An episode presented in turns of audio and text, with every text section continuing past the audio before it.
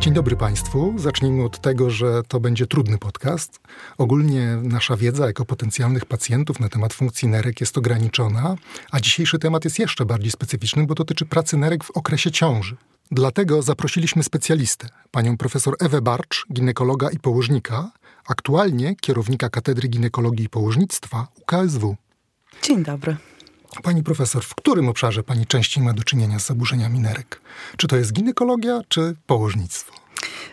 Pytanie skierowane w ten sposób do mnie jest oczywiście pytaniem, na które trudno mi odpowiedzieć, bo generalnie ginekolog i położnik najczęściej ma do czynienia z problemami nerkowymi oczywiście w okresie ciąży. Moja praca i specjalność jest troszeczkę inna, ponieważ ja jestem uroginekologiem, w związku z tym dla mnie problemy nerkowe zarówno w zakresie ginekologii, jak i w zakresie położnictwa to jest coś, z czym mam do czynienia na co dzień. Natomiast no niewątpliwie jest tak, że w zakresie naszej specjalności najczęściej mamy do czynienia z patologiami nerek, czy też z patologiami funkcji nerek, głównie u kobiet ciężarnych. To zanim przejdziemy do ciąży, to może najpierw krótko podsumujmy funkcję mhm. nerek, no poza oczywiście tą oczywistą, jaką jest e, produkcja moczu. Produkcja moczu y, to jest w zasadzie główna funkcja nerek, tylko że oczywiście my lekarze nie traktujemy produkcji moczu jako takiej prostej funkcji wydalania nadmiaru wody i o tym należy pamiętać, ponieważ produkcja moczu to jest y, cały bardzo złożony proces, który polega nie tylko na oddawaniu nadmiaru spożytej wody, ale również wraz z tą wodą z organizmu wydalane są e, substancje, nazwijmy to w cudzysłowie troszeczkę nieprzydatne, czy zbędne, czy też wręcz szkodliwe dla organizmu.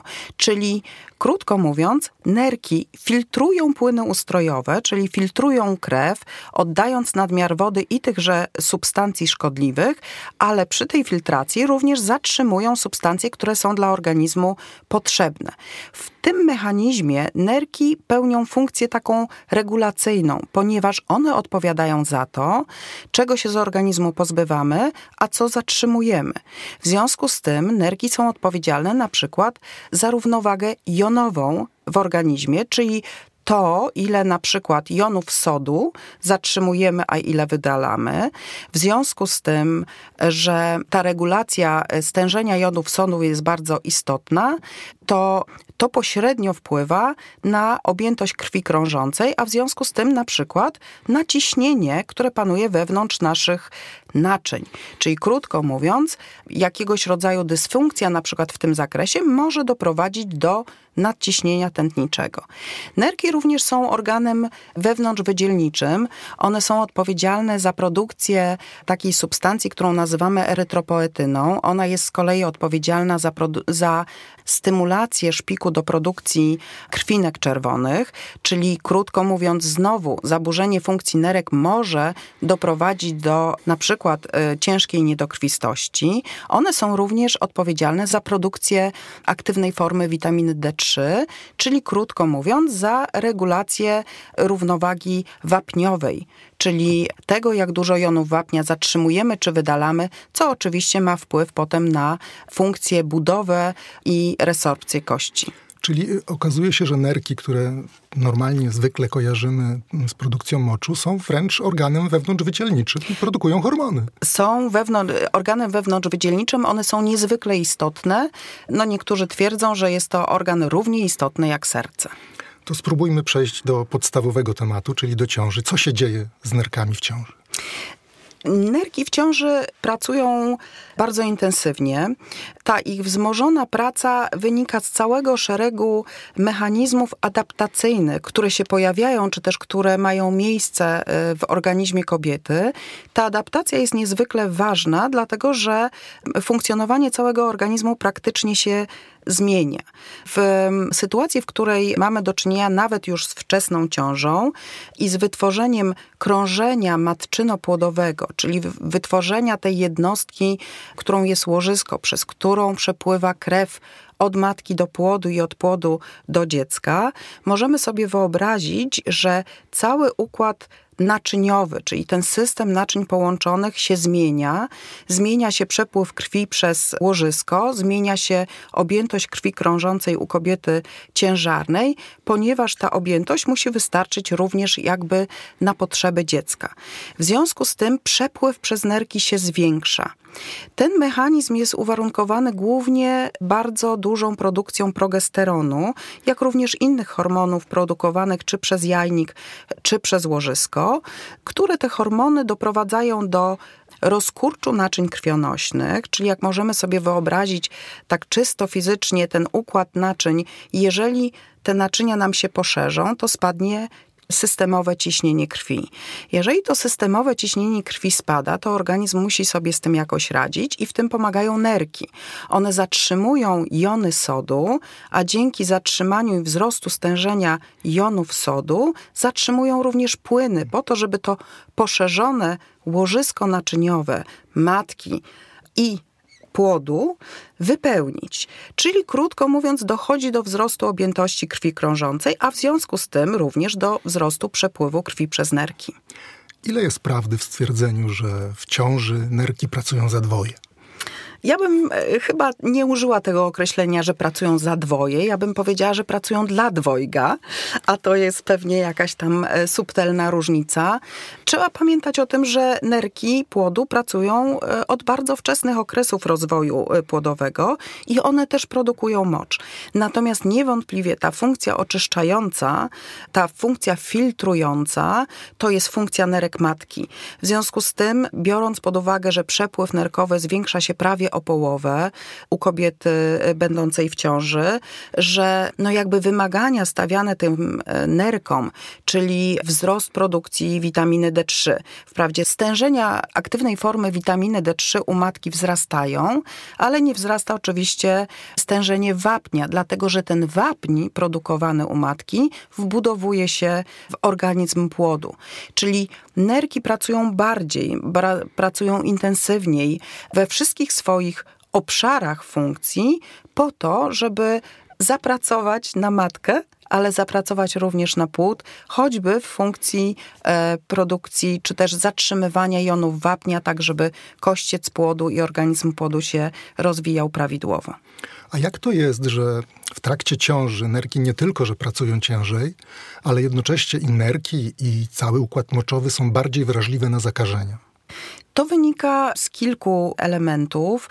Na pewno takim czynnikiem, który jakby niekorzystnie wpływa na tą potencjalną obronę czy ochronę przeciw zakażeniom, jest właśnie progesteron, który doprowadzając do relaksacji, czyli jakby do, w cudzysłowie troszeczkę, do zwiotczenia mięśniówki, zarówno naczyń, ale również pęcherza moczowego czy moczowodów, doprowadza do zwiększenia objętości pęcherza moczowego, doprowadza do poszerzenia układu kielichowo-miedniczkowego i w tym mechanizmie do sytuacji takiej, w której większa objętość moczu w tych narządach zalega.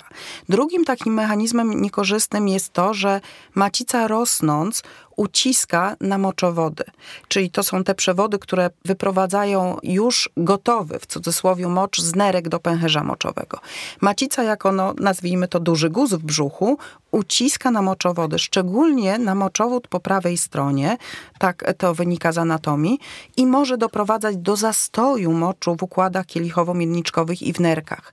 A zastój moczu, czyli no brak tego stałego przepływu moczu, może doprowadzić do e, infekcji, bo ta, w, takim, w takiej, mówiąc kolokwialnie, stojącej wodzie wiadomo, że łatwiej bakterie się namnażają. W związku z tym tych mechanizmów jest kilka, ale niewątpliwie ciąża to jest okres, w którym łatwiej dochodzi do infekcji układu moczowego. Czy można się jakoś przed tym bronić? Czy są jakieś sposoby, żeby w trakcie ciąży dbać specjalnie o nerki?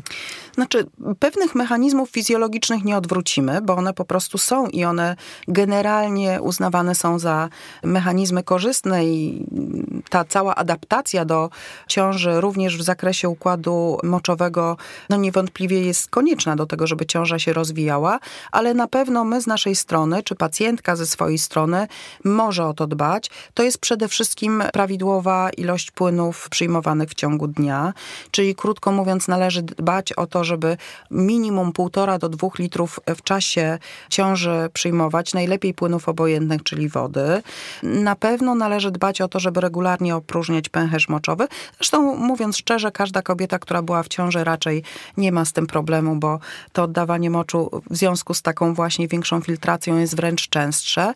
No ale rzecz podstawowa to są kontrole lekarskie, dlatego że w ciąży bardzo często dochodzi do takiego zjawiska, które my nazywamy bakteriurią bezobjawową, czyli jest infekcja w układzie moczowym, a nie mamy takich bardzo charakterystycznych objawów klinicznych w postaci bolesnego parcia na pęcherz, częstego oddawania moczu, czy bolesności po oddaniu moczu.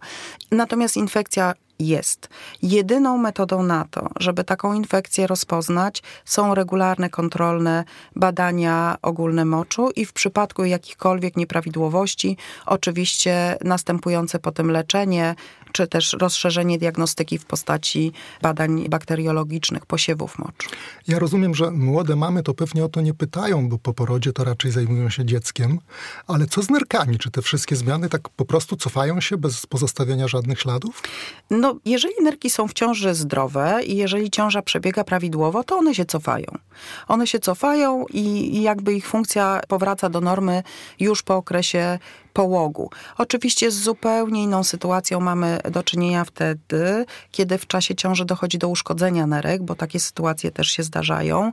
I jeżeli rzeczywiście dojdzie do uszkodzenia nerek, czy funkcjonalnego, czy anatomicznego, to te nieprawidłowości mogą pozostać na dłużej. Czy, czy, czy nerki w ogóle odpoczywają, proszę powiedzieć, jak to jest? Bo mam wrażenie, że jak człowiek odpoczywa i śpi, to nerki szczególnie ciężko pracują, no bo przecież rano pierwsza rzecz to wizyta w toalecie. Yy, tak. Człowiek odpoczywa i śpi, to znaczy jego mózg odpoczywa, jego mięśnie odpoczywają, te, nad którymi mamy, że tak powiem, władzę. Natomiast cała reszta nie odpoczywa. Nerki nie odpoczywają, serce nie odpoczywa.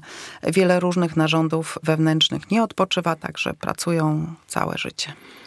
Chciałbym na koniec e, zapytać Panią o Pani zawodowe zdanie na temat domowych testów moczu. Coraz więcej jest ich do dyspozycji. Można ocenić w domu białko, można ocenić zawartość cukru, można ocenić inne parametry. Są testy, które mierzą jednocześnie 10 parametrów moczu. Czy to się przydaje w praktyce? Ja uważam, że się przydaje ponieważ jest to taka, powiedzmy, pierwsza linia diagnostyki, czy też samodiagnostyki. Czasami jest tak, że istnieje jakaś trudność, czy w dostaniu się do laboratorium, czy, czy dostaniu się do lekarza, czy uzyskania skierowania na badanie laboratoryjne, a pojawiają się jakieś objawy. Czy też mamy do czynienia już z pacjentem chorym, czy chorym na cukrzycę, czy kobietą w ciąży z cukrzycą, gdzie może dojść do wydalania nadmiernego glukozy w moczu. W związku z tym takie pierwsze badanie, które choćby zapali światełko, że to jest ten moment, w którym należy się zwrócić do lekarza, uważam, że jest przydatne. Przy czym na pewno należy to opatrzeć pewnego rodzaju uwagą czy klauzulą, że to nie jest badanie, na podstawie którego możemy podejmować jakiekolwiek działanie, klini- działanie terapeutyczne, tylko to jest badanie, które służy temu, żeby w odpowiednim momencie zgłosić się do lekarza. No cóż, podsumowując nasze spotkanie, ciąża to stan jak najbardziej fizjologiczny i w zasadzie nerki dają sobie jak zwykle radę, chociaż mają więcej pracy niż zwykle. Zdecydowanie przydałaby się im niewielka pomoc, co najmniej bardzo dobre nawodnienie, a w szczególności ochrona przed zakażeniami. Bardzo dziękuję pani profesor za solidną porcję wiedzy, a słuchaczy zachęcam do dalszego zgłębiania tematyki prozdrowotnej, szczególnie w zakresie zdrowia nerek. Dziękuję. Dziękuję bardzo.